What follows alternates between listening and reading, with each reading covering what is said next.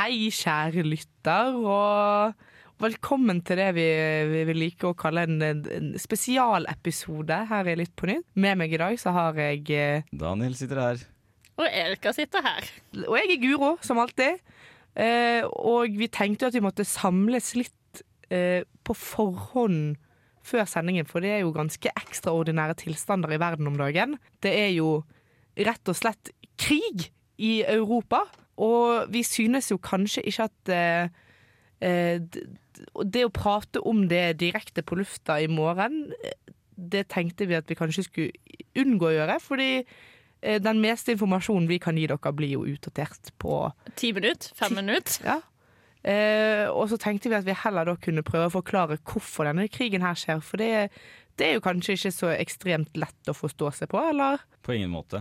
Og så er det jo også viktig å si at vi sitter jo ikke med noen fasit på hvorfor det er krig nå. Eh, og det er jo eh, for så vidt ingen andre enn kanskje én mann som gjør. Eh, og det vi jo har å komme med i dag, er jo videreformidling av informasjon som veldig mange andre kilder også selvfølgelig har publisert tidligere. Men vi tenkte vi kunne prøve å samle informasjonen litt på ett sted, da, sånn at det kanskje blir litt eh, mer oversiktlig for Ja. folk som eh, ser hva som foregår, og sikkert blir litt skremt eh, og, og syns det er både skremmende og interessant, og ønsker å, ønsker å forstå, vite.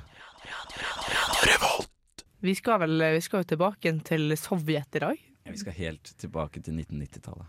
1990-tallet. Vil, du- vil, vil du dra oss tilbake inn i tid, Daniel? Hvor begynner denne konflikten? Dette, altså, i, det begynner da man skulle samle Tyskland igjen. Tyskland var jo etter annen verdenskrig splittet opp i eh, fire da, deler, men så ble Ja. det jo fort to deler, Øst- og Vest-Tyskland. Og da Sovjet begynte sin hva skal man kalle det, sin nedtrapping av storhetstiden til Sovjet, så måtte man jo etter hvert også samle Tyskland. Og da var det helt i starten, eller i 1990 da, et, så ble, var det et møte mellom eh, da Sovjetunionens siste president Gorbatsjov og USAs utenriksminister James Adson Baker. Disse holdt et eh, møte i 1990 hvor James eh, Baker eh, stilte det han mente var et ganske retorisk spørsmål til Gorbatsjov, hvor han spurte hva ønsker Sovjetunionen seg?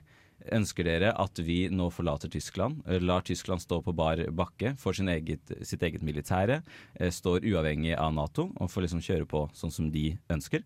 Eller ønsker dere at vi tar Tyskland inn under Nato, gjør dem avhengig av amerikansk militærmakt, andre europeiske staters eh, militærmakt, samtidig som vi da lover at Nato ikke skal forsøke å forflytte seg østover. Og når man sier forflytte seg østover, så mener man jo da at Nato ikke skal utvide sin eh, interessesfære da mot de tidligere eh, landene som var under Sovjetunionen.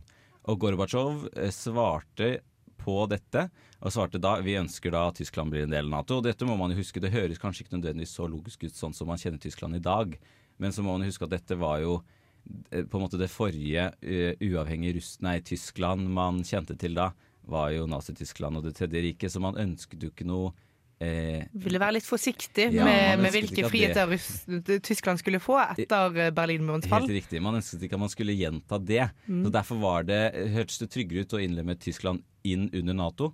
Så var det det som da Baker i ettertid har uttalt at han ikke helt mente så seriøst som det kanskje ble oppfattet av Gorbatsjov, var denne, denne setningen han sa, hvor han sa, er oversatt til norsk, da, at vi ikke skal, Nato skal ikke forflytte seg en tomme mot øst.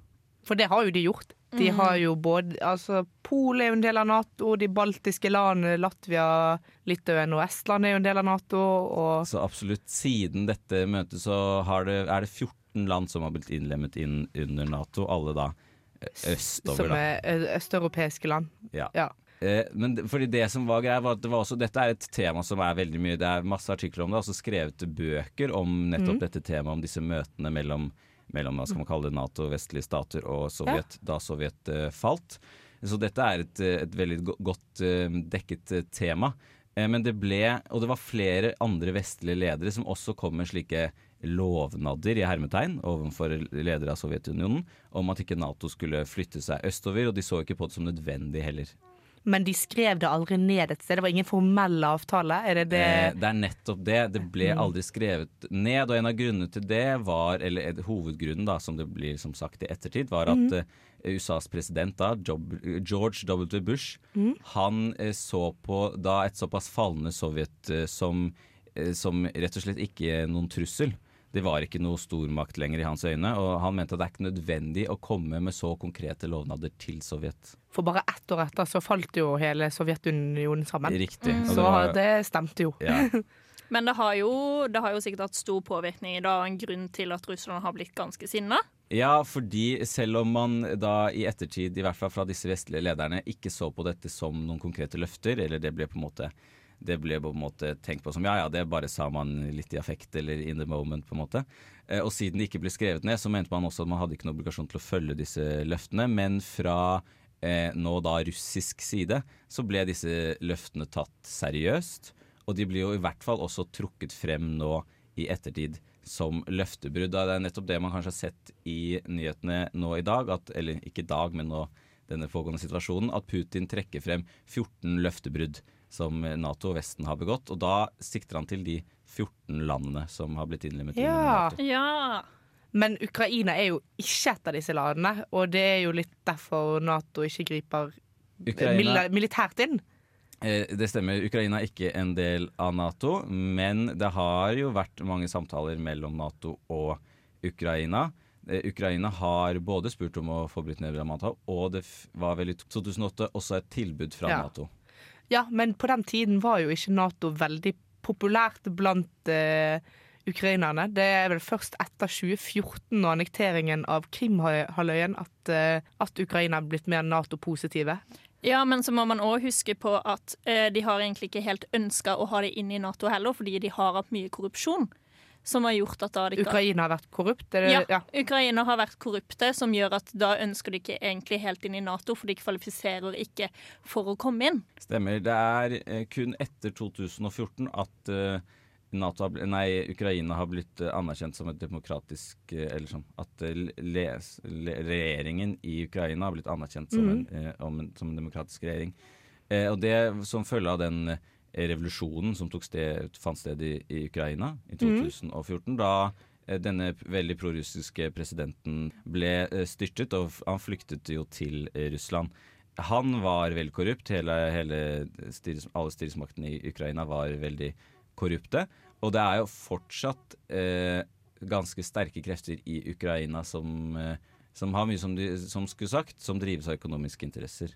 Ja, for det finnes jo en del Det finnes vel en del korrupsjon. Det finnes jo en del i Ukraina som er prorussiske og sånt fortsatt. Ja, absolutt. Ukraina er jo eh, Europas nest største land. Ja. Da, da er bak Russland. Det er mye forskjellige folk Det er et enormt land med mange forskjellige områder eh, som har mange, mye forskjellig tilknytning. Det finnes jo f.eks. som hvis man ikke bare skal se på det russiske, helt i vest i Ukraina, områder som snakker ungarsk. Alle, Ja. Alt eh, av skilter på veien og sånn, alt står på ungarsk fordi det er tidligere eh, Altså folkegruppene som hører til det området, er eh, historisk sett ungarske, da, hvis man kan si det. Ja. Eh, og da det samme i øst. Eh, mange områder av, og da spesielt denne Dombas-regionen som er veldig eh, omtalt nå, som er eh, eh, majoritet russiske. Snakker russisk. Eh, har i veldig mange år blitt eh, prioritert å lære russisk på skolen etc. Dette har også veldig stor sammenheng med eh, at styresmaktene var på en måte pro-russiske i Ukraina. da. Eh, Så det er jo ikke noe tull at store deler av Ukraina føler veldig sterk tilknytning til Russland. Og også føler seg eh, Noen vil jo si at de føler seg russiske. Det ble i Ukraina eh, avholdt Eller ikke i Ukraina, men i disse eh, to regionene som det snakkes om nå, eh, eh, Donetsk og Luhansk, eh, avholdt eh, folkeavstemninger i, to, i 1991. Hvor det da ble og, dette var jo to Litt av problemet var at det var to, eh, to separate fylker, da. Eller områder i Ukraina. Men til sammen så var det rundt 84% som stemte for at man skulle bli avhengige av Ukraina. Og dette er jo lenge før eh, alt dette med denne prorussiske presidenten i nyere tid. Dette var jo rett etter Sovjetunionens fall, og som vitner jo veldig om at det er store grupper i Ukraina som ikke føler noe sterk tilknytning til Ukraina som nasjonalstat. Det er fordi Ukraina som nasjonalstat er jo da og relativt ny. Absolutt. Eh, og historisk veldig mange, veldig mye tilknytning til Russland. Både tsar Russland har jo dette området vært under, og Sovjetunionen selvfølgelig. Det har jo også vært krig i Ukraina eh, helt siden 2014. Ja. Eh, man kan jo nesten også argumentere for at det har vært krig i Ukraina helt siden 2012. Men det har i altså det, da, dette Donbas, eh, denne Donbas-regionen, som, eh, som Donetsk og Luhansk ligger under, er en ganske stor region som både da inneholder områder i Ukraina, men også som strekker seg over i Russland.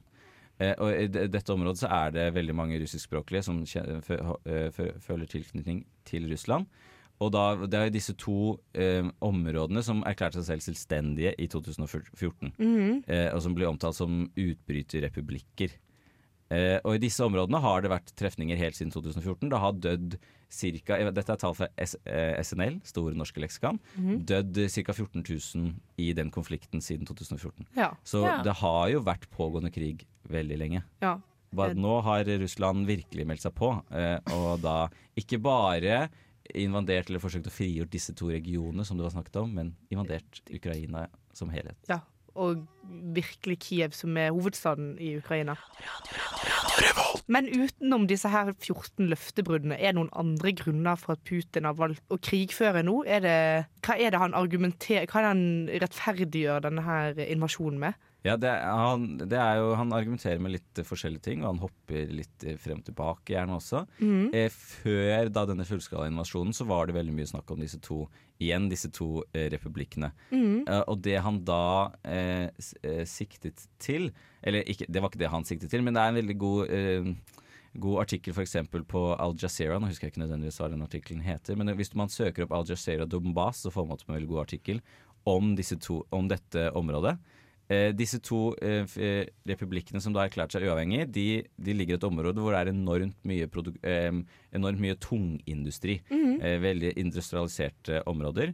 Veldig, veldig lukrative områder, det de produserer. Eh, eh, det er historisk sett et veldig stort sånn kullområde, men i senere tid tungindustri. Alt fra jern, stål, sånne, sånne ting. Eh, og, eh, og da eh, disse to republikkene erklærte seg selvstendige, så ble de totalt fryst ut av eh, styresmaktene i Ukraina. Som jo for så vidt kanskje er eh, naturlig. Eh, som jeg sier, at de fikk ikke lov til å selge Alt det som ble produsert, fikk ikke lov til å eksporteres noe sted. Eh, og dette, for det første så var jo det negativt for Ukraina, for de tjener veldig mye penger på den industrien. Men det var også veldig vanskelig for disse områdene, som da i hovedsak kun består av eh, industri. Eh, veldig økonomisk vanskelig for de å holde seg flytende, rett og slett. Så det Putin da gjorde, fordi Putin har jo da eh, hele tiden ment at disse, eh, disse da, det at de har erklært seg selvstendig, det er, eh, det er helt legitimt. Så det Putin gjorde, var at han begynte å støtte de økonomisk. Eh, han eh, subsidierte disse to regionene for at de skulle kunne fortsette sin produksjon. For uten denne produksjonen av tungindustri så har disse regionene ingenting. Eh, så Putin subsidierer disse eh, regionene masse, med masse penger for at de skulle opprettholde produksjonen sin. Men det er ikke så veldig lukrativt å subsidiere produksjon som ikke kan selge det de produserer. Eh, så eh, produksjonen ble eh, solgt for det meste på eh, svartemarkeder, også kanskje innover i Russland igjen. Eh, problemet da igjen for Putin var jo at eh, salget av alt dette som produseres, det går jo ikke til Russland. Det går jo ikke i hans lomme eller hans rike venners lomme. Det går i lommene på et, eh, et litt fåtall veldig rike mennesker som i realiteten har mye av den økonomiske kontrollen i disse to regionene. Det, ifølge Al så ble 70% av utbyttet fra all denne produksjonen gikk til oligarker. da. Eh, så, så hvis man tar det som et regnestykke Putin bruker masse penger på å opprettholde produksjon, tjener ingen penger på produksjonen i seg selv. Ergo taper Putin masse økonomiske midler på at disse to eh, regionene er i et sånt mellomstadie Ja. mellom å være selvstendige og være under Ukraina. Og det, det er jo ingen som vil eh, Det er jo totalt ulogisk. Ja, Men er det så ulogisk? Med tanke på at oligarkene er jo Putins støttespillere. Så han betaler for dette, som oligarkene får tilbake. Og så kan de støtte ham med politisk makt. Ja, Problemet er at disse oligarkene som holder til i Ukraina, og som eh, i hovedsak holder til i disse regionene, har jo ingen politisk makt å støtte ham med. De har, Eh, de har masse fall- økonomisk makt, men Ja, Og Ja. de får ikke brukt den økonomiske makten heller, og i hvert fall ikke når der hvor de egentlig har eller politisk påvirkning, er jo i Ukraina. Og styresmaktene i Ukraina hører ikke på dem lenger. Så Putin får ikke noe igjen Nei. politisk for å støtte disse veldig rike oligarkene i Ukraina. Og det er jo også noe av grunnen til at han nå ønsker å eh, Det han jo sier, er at han vil velte dette nazistiske eh, disse nazistiske styresmaktene i Ukraina. Det er hans, For han det- mener at uh, Zelenskyj, som da er? Jeg er nynazist. Ja, det er jo Blant annet han, i alle fall, og Ja. resten av Det er nasjonalforsamlingen. retorikken eh, Ja. Putin bruker, ja. Han mener at det er et nazistisk Han, han, styre. han sier veldig mye rart om disse styresmaktene. Han mener Ja. at, de er, at de ikke er demokratisk legitime. Mm. Uh, han, han sier at de er nazister og narkomane. Og dette er jo ting som Putin har sagt de siste dagene. Eh, Så lurer jeg liksom litt sånn til slutt på Det er jo veldig mange som er bekymret for atomkrig om dagen. Og nordmenn eh, Kjøper jodtabletter. kjøper jodtabletter som bare det. Eh, Og- Forresten, ikke kjøp kosttilskudd. Jod, for da må du ta 500-600 Ja. tabletter. Ja. Kjøp superjoden. hvis Kjøp du superjoden hvis du først tre føler at du trenger det. Men i tillegg så har det blitt uh, søkt på bomberom over hele Norge, spesielt i Trøndelag. Ja, men det jeg lurer på, er altså sånn Denne atomtrusselen, altså Er det en, er det en reell trussel? Er- Kommer han til å trykke på den store røde knappen, eller ødelegge Tsjernobyl eller eh, andre, andre gamle atomkraftverk i Ukraina, eller Det, eh, dette er jo veldig forståelig nok det som veldig mange eh, går og lurer på om dagen? seg for nå. Jeg går og lurer på. Og igjen, her er jo jeg like grønn som alle andre, men jeg har funnet en, en veldig fin og pålitelig kilde som jeg da kan trekke frem. Det er, som er veldig lett å finne frem til selv, men jeg kan også prøve å, å oppsummere hva jeg har funnet ut av at han sier. da. Denne kilden er Pavel Podvig. Jeg fant ham på Twitter. Eh, og så tenker man sånn Høres useriøst ut, driver du og skal du sortere en, en Twitter... Twitter-nyheter. Det Men denne Pavel Podvik, da, han, er, han har eh, både en doktorgrad i Political Science from the Moscow Institute of World Economy and International Relations og en mastergrad i fysikk fra Moscow Institute of Physics and Technology. Så han har jo, han har jo en, den beste duoen for, Ja, uh, for all kjernekraft. Og han driver da en forskningsgruppe som forsker, og har gjort dette i mange mange år, forsker på russisk kjernevåpenstyrker. Eh, Ja. Han blir av The Guardian omtalt som en av verdens fremste eksperter på russisk mm. kjernevåpen. Så dette er en dette vil Det, jeg, det er en pålitelig mann. ja, det er en sikker kilde. Igjen, jeg siterer for det meste han. Går an å finne han selv på Twitter og alt mulig. Eh, Hvis man syns det er stressende og skummelt å liksom ikke vite hva som foregår, les eh, alt han kommer med. Eh, For han, han tvitrer hele tiden. Og der også på Twitter, så han, der får man jo på en måte hans oppfatninger, ikke styrt av hva media lurer på. Han, der kan mm. jo han eh, fritt skrive det han ønsker å Det- skrive. mm. Så det blir jo på en måte ikke vinklet fra medias eh, side. Og, og det er også hvis, eh, det er så tydelig at hvis folk stiller spørsmål som han syns er verdt å svare på, så svarer han også på disse spørsmålene. Så det, søk han opp. Det han legger ut mye da, i sammenheng med denne økte beredskapen, som det som Ja. er blitt omtalt, eh, i hvert fall i norske medier, hvor eh, Putin jo da har sagt at man skal aktivere et høyere modus. I hvert fall sånn man kan oversette det til norsk, ordet modus. Eh, og da dette kom ut i media, så ble det masse skriveri om atomkrig. Og det var også da eh, denne Pavel Podvik meldte seg på på Twitter for å forsøke å beskrive og for, besvare spørsmål. Og en ting som er verdt å merke seg, er jo at Pavel Podvik selv sier at han er bekymret for utviklingen. Og det er jo når, når verdens, en av verdens eh, fremste eksperter på russisk kjernevåpen, Sirkisian, syns det er en bekymrende, bekymrende utvikling, så kan man jo notere seg det, i hvert fall. Eh, men han prøver også å forklare hva dette betyr i praksis. Eh, fordi han eh, mener at det at Eller han beskriver at i fredstid så har ikke eh, russiske militære muligheten til å avfyre eh, eh, eh, atomvåpen. Eller, de har jo selvfølgelig Det er ikke sånn at noen, en, en uavhengig eh, noen uavhengige En- en tredjepart ja, ingen tredjepart som skal komme og aktivere disse atomvåpnene. Men atomvåpnene har, måte, de har ingen effekt i fredstid. Da er de helt uh, disarm, da, på en måte. Og det som det er, og, og det, Dette er såpass hemmeligholdt at ikke engang han kan svare, seg, svare helt på hva dette betyr, denne nye modusen. Mm. Men han, det han beskriver det som den beste måten å se på det, er som at du kobler sammen ledningene, sånn at eh, maskineriet kan skrus på om ønskelig. Eh, så, det er, så det er viktig å ikke se Eller han mener at man må ikke se på dette som at eh, Putin nå har aktivert atomvåpnene, at de står klare til å skytes ut. Men han lader de opp Han, de, er, de er mer tilgjengelige enn det de var enn det de var før. Og det er jo absolutt en, en en opptrapping, på en måte. Det er mm. jo. Det er jo et skritt i en viss retning. Eh, men, han, men de står ikke Det er ikke sånn at han det, Nå er det bare å trykke på den røde knappen, og så, og så fyres det løs. Eh, så Det er litt mer arbeid som ja, må til Ja. før vi er der. Veldig mye mer arbeid som Ja. må til før vi er der. Eh, Så da er det på en måte det, Jeg forstår at folk kanskje er litt redde og, og, og bekymret, men, men det, vi, vi trenger ikke lete etter bomberom ennå stemning. Nei, det, det virker ikke sånn på han. Og han eh, eh, påpeker også at disse systemene og denne modusen handler om veldig mange andre våpen enn bare atomvåpen. Ja. Man har jo mange andre våpen, eh, type våpen som ikke er noe hyggelig å bruke i krig, Nei. men som ikke har like Eh. fatale konsekvenser som atomvåpen. Ja. Og slike våpen er det, går også under denne eh, ja, kategori, eller det, det som nå har blitt satt i gang.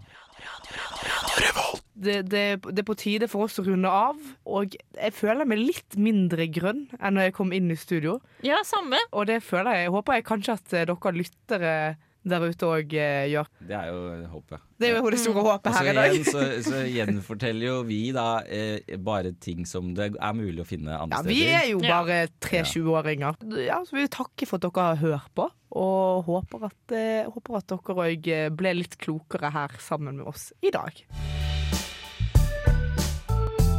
Du har lyttet til en podkast på Radio Revolt, studentradioen i Trondheim. Sjekk ut flere programmer på radiorevolt.no.